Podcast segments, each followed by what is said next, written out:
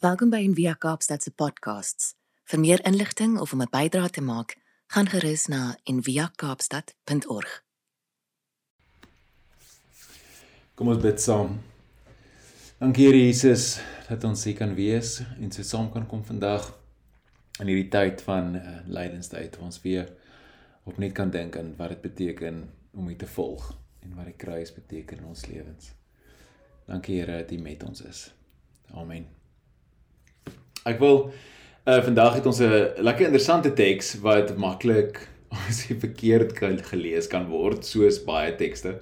Uh Lukas 13 met 'n interessante verhaal van uh, Pilatus wat 'n klomp goed gedoen het en bloed en 'n uh, oordeel en bekering en dan 'n baie weird storie oor 'n vyeboom.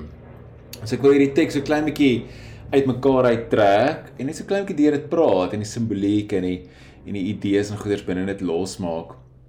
So in hierdie in hierdie teks, in hierdie deeltjie is daar ehm um, Jesus wat praat met 'n skare met 'n gehoor en ons daar sekere mense wat na Jesus toe kom en sy opinie wil hoor oor dit wat die dag gebeur, die die gebeure van die tyd, reg? So en so baie keer is dit ook weet in my lewe veral as 'n predikant en ek dink in ons lewe as mense wat Jesus volg en publiek sê dat jy glo, wil mense ook vir jou weet, maar wat maar wat nou? Weet, hoe werk dit nou in konteks van van geloof en konteks van godsdiens en spiritualiteit en so? Hoe werk hierdie wat nou gebeur in die wêreld? En is dit maklik vir ons om te praat oor die oorlog of die pandemie of die korrupsie of wat ook al? Hoe werk dit binne in hierdie konteks, reg? So, ehm um, ek dink dit is afsit. So ek wil weet julle net kan dit deur daai hele ding praat. So Jesus as 'n profeet vat dan hierdie gebeure wat nou hulle oor praat die ehm um, die mense wat vermoor is en die toring wat geval het. Hy vat dit en hy plaas dit binne soos 'n 'n kosmiese raamwerk wat soos 'n groot prentjie skep en eintlik 'n uitnodiging, 'n massive uitnodiging aan hierdie gehoor wat hy aanspreek uh, rig. So Jesus hy nooi hulle uit nadat hy hierdie goed in 'n die raamwerk gesit het, dan nooi hulle uit om te verander om te bekeer maar eintlik meer as dit om hulle gedagtes en hulle koppe te verander. Daar's so great um, preek is 'n slaagsling van TD Jakes wat uh, opgeneem is en iemand gebruik het in 'n amper 'n tipe danstrek en in die, in hierdie preek praat hy heeltyd oor jy moet you have to renew your mind. En dan een deel sê hy jy het tot middernag om jou kop te verander, om nuut te begin dink. Is eintlik 'n great eintlik 'n great track. Ek sal dit weer post later.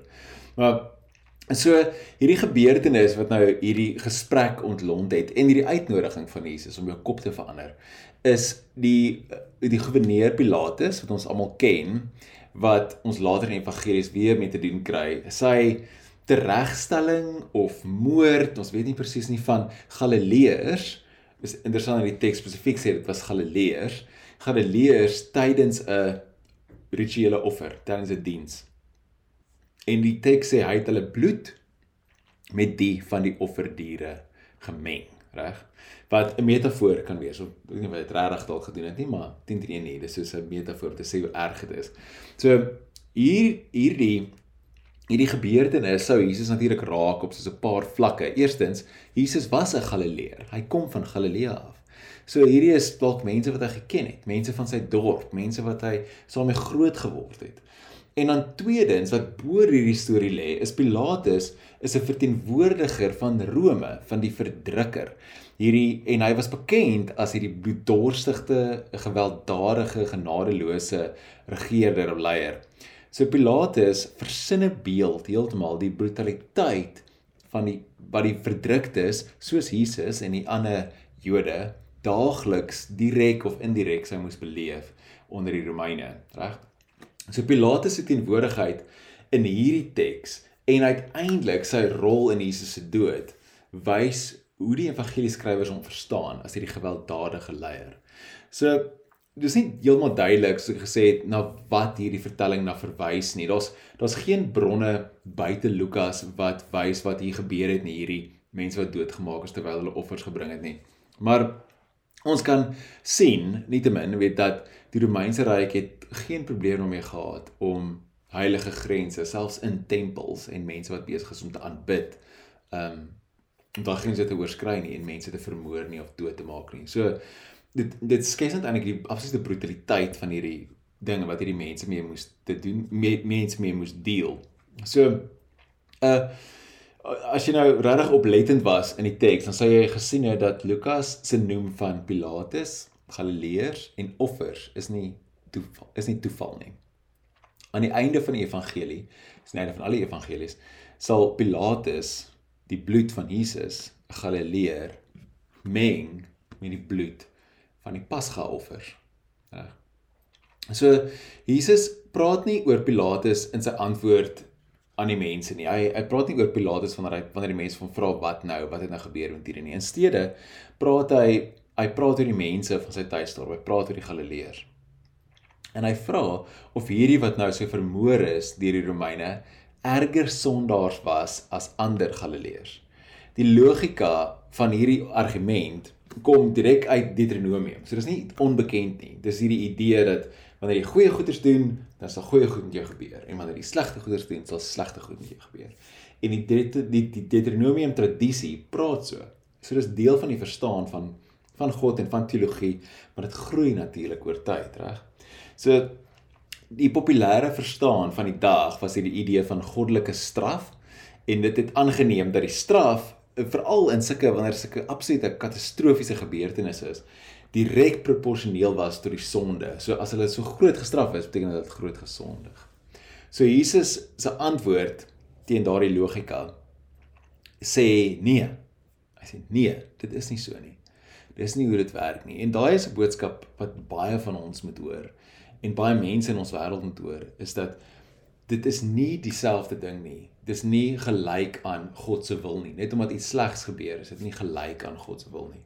So hy sê dit vir twee redes. Een, die besluite van Pilatus en Rome is nie sinoniem met God se wil en oordeel nie. In die antieke tyd, die Romeine het geglo omdat goed bestaan, bewys dit dat dit die gode se wil is. So met ander woorde, die Romeinse ryk bestaan, daarom is dit die gode se wil. Reg? Maar die Jode se verstaan van God se wil is heeltemal iets anders. Hulle verstaan is dat God se wil nie altyd gebeur nie. As gevolg van mense se keuses, as gevolg van 'n gebroke wêreld en as gevolg van 'n groot misterie wat ons nie kan verstaan nie, reg? So dis radikale twee verskillende uitkyke en daai is woorde wat baie van ons kan hoor vandag. So Jesus gaan dan verder en hy gebruik 'n tweede voorbeeld. Hulle kom na hom toe met die vraag oor hierdie mense wat vermoor is. En dan antwoord Jesus en sê hy: "Nee, dit is nie so nie, maar hy wil vir hulle nog 'n voorbeeld gee." En hy hy hulle herinner hulle aan 18 mense wat gesterf het toe daar 'n toring in Jerusalem omgeval het. En so soos die Galileërs wat deur Pilatus vermoor is, sê Jesus hierdie mense was nie groter sondaars as enigiemand anders nie. Hulle lot was nie 'n aanduiding van hulle moraliteit nie. So hulle was slagoffers van 'n onverwagse ramp. En Jesus gebruik beide hierdie onvoorspelbare en onveranderbare gebeurtenisse om sy gehoor te kry om te verander wat hulle wel kan verander, hulle gedagtes, hulle koppe. So Jesus nooi hulle dan om te bekeer. Metanoia, die woord metanoia, meta groot reg, noia mind, kop.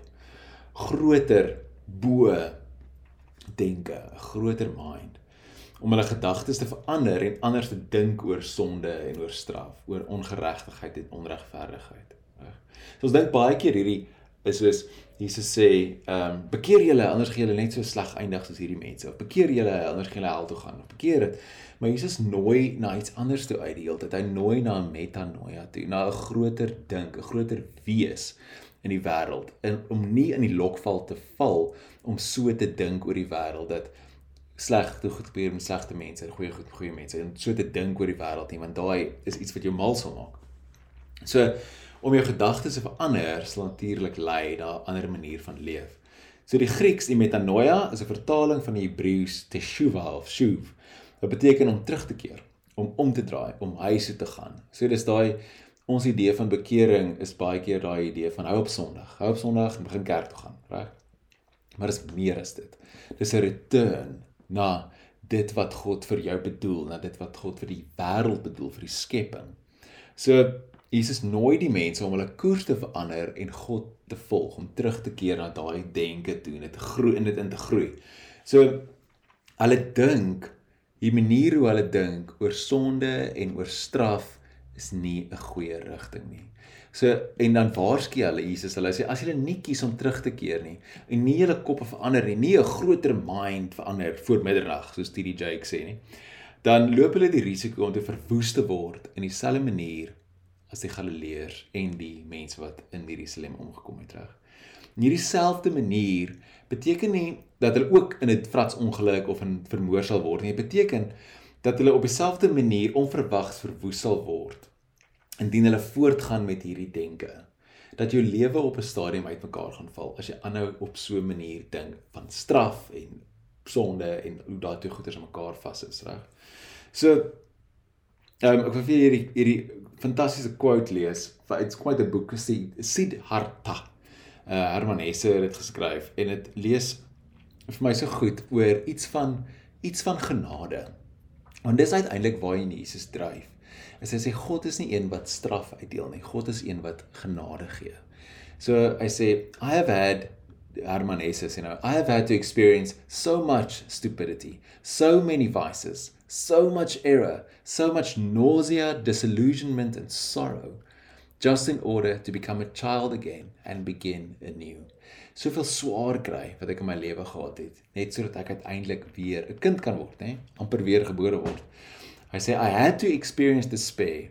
I had to sink to the greatest mental depths to so to thoughts of suicide in order to experience grace. So op daai punt wanneer dit in hierdie chaos is, in hierdie dood, in hierdie bloed wat vermeng word met die bloed van die offers in daai plek, is daar genade op 'n manier. So sorry, kom ons gaan net aan. Ehm um, Jesus vertel hulle eerder dat hulle hulle gedagtes groei, dat hulle moet bekeer. Dat en dit sal hulle voorberei vir 'n beter lewe, dat hulle sal kan vrug dra dan. En om sy punt te illustreer, dan vertel Jesus die gelykenis van 'n vyeboom wat nie vrug gedra het nie. So vrug dra is 'n algemene tema in Lukas en in ek in die hele Bybel. Johannes die Doper praat oor vrug, Lukas 3, Jesus praat oor vrug in Lukas 6 En ehm um, Jesus sal sê dis nie die goeie boom wat slegte vrugte dra nie en ook die slegte boom wat goeie vrugte dra nie. Elke boom word aan sy vrugte geken. En daai hele gedeelte wat ons so goed ken, waar Jesus dan eindig en hy sê wat die hart van vol is, op die mond van oor. So dis jou nature wat vrug dra. En die uitnodiging is dat jou ware natuur eintlik moet kom uitkom. So in die vertelling van die saaier later in Lukas 8, dan verduidelik Jesus ook dat die goeie goeie wanneer goeie harte, goeie nature, die woord van God hoor en vashou daaraan, dan sal sulke harte goeie vrug dra. So die vrye boom in hierdie gedeelte in hierdie gelykenis van Jesus is is mense se harte.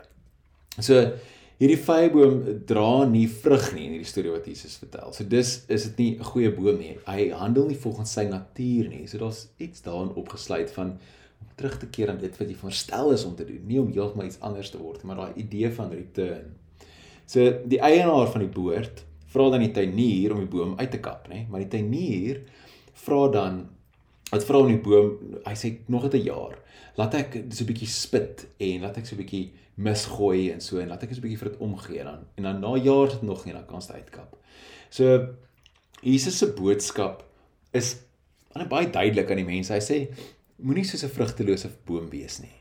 Eerder as om te fokus dalk omdat ander mense swaar kry want hulle dalk gesondig of wat is die rede of wat hoekom werk dit? Hy sê maak seker dat jy vrug dra. Dat jou hart oop is vir dit wat God wil doen in jou lewe. En in plaas daarvan om te sit en top oor die oorsaak van swaar kry wat in elk geval sinneloos is, maak seker liewer dat jy vrug het. Die groot geheim in hierdie teks en wat vir my so mooi is en moed gee, is dat Jesus is die tuinier, reg? Jesus is die een wat genade aan ons bewys en spit en misgee sodat ons kan vrug dra. Hy is die een wat sê, "Nee, hokkie, hou net vas. Kom ons werk nog. Kom ons help hierdie mense nog om by hulle self uit te kom, reg?" So, wanneer ons besluit om ons koppe te draai, is hy die een wat ons help. God is genadig. En dis wat Jesus vir ons kom wys. Jesus kom ek ben Jesus is die toonbeeld van God. Hy is die een wat ons wys wat God se karakter is. So God is genade. God sit nie en deel straf uit want jy het nou soveel gesondigs en daarom straf ek jou nou soveel. Dit nie Jesus is Jesus se bloed wat gemeng word met die van die offers, nie joune nie. Dis nie wat die storie hier is nie. So ehm um, ek hou van hierdie. Dit is my so mooi. Uh, uh net 'n net 'n iets oor genade. Uh Aberjani is die persoon wat geskryf het. Hy sê unwinged and naked sorrow surrenders its crown to a throne called grace. Was genade in die evangelie en genade in hierdie verhaal. So ons kan op Jesus staat maak om ons nie te leer dink, om ons koppe te verander. Ehm um, al wat ons hoef te doen is om beskikbaar te wees in die wingerd te bly, in die wingerd te staan en daar te wees sodat Jesus saam met ons kan werk. Stefan Joubert skryf, hy sê hier sorg Jesus vir vrugte in oorvloed. Hier versorg hy ook daardie een vye boom wat nutteloos en sonder vrugte in die wingerd rond staan. Jesus plaas sy eie reputasie op die spel deur al die werk in die wingerd te doen sodat hierdie boontjie kan vrugte dra. Ek te vermoede ek en jy is dalk hierdie vrugtelose vrugteboom, vye boom wat net spasie opvat in die boord. Maar ek weet iets aardskuddend. Ek weet die hemelse tenier gee nie op met jou en my nie. Hy het 'n seisoen van grace vir ons gebring. 'n Seisoen van hemelse bemesting. En daarom vertoef ons in sy wingerd. Ons kyk elke dag waar die Here is en dan sorg ons dat ons daar is. Daar is die wingerd. Daar is reën en daar is daar seën. Daar neem die regte vrug vorm aan. En dan die uitnodiging is om ons almal dan saam te wees in so 'n plek. So om saam te vat om te sit en top oor swaar kry en hoekom goeders gebeur is sinloos. Wat Jesus ons na uitnooi is groter gedagtes om oor ander goeders te dink en om deel te word van sy genade sodat ons kan vrug dra, sodat ons kan word dit wat ons voorstel is om te word, sodat ons kan vrug dra. En vrugte is altyd vir ander mense, reg? Dis om uit te deel. Vrugte is nie daar vir die boom self nie. Dis vir iemand anders, vir om nog bome te maak, om nog goed te kry. Meer. En dis ons uitnodiging. So ek wil jou nooi en myself herinner om nie te sit in top en stoei met vrae oor swaar kry en hoekom en hoekom nie. Dink liewer oor hoe is ek beskikbaar? Hoe kan ek vandag in God se boord en God se wingerd wees? Hoe kan ek op daardie plek staan waar Jesus kom en spit en bemes en help dat ek kan vrug dra? Hoe kan ek daar wees? Dis ons uitnodiging. Ons bid saam. Dankie Here Jesus dat U ons goed is, dat U die goeie genadige tuinier is wat kom help, wat kom bemes, wat kom spit, Here, sodat ons kan vrug dra. Help ons om in die wingerd te bly help ons om nie te sit in top in vrees oor nuttelose dinge nie. Dankie dat U met ons is. Dankie dat ons op U genade kan staat maak elke dag vir ons en vir almal in hierdie wêreld. Ons loof U naam. Amen. Dankie dat jy saam geluister het vandag. Besoek gerus en via kaapstad.org vir meer inligting.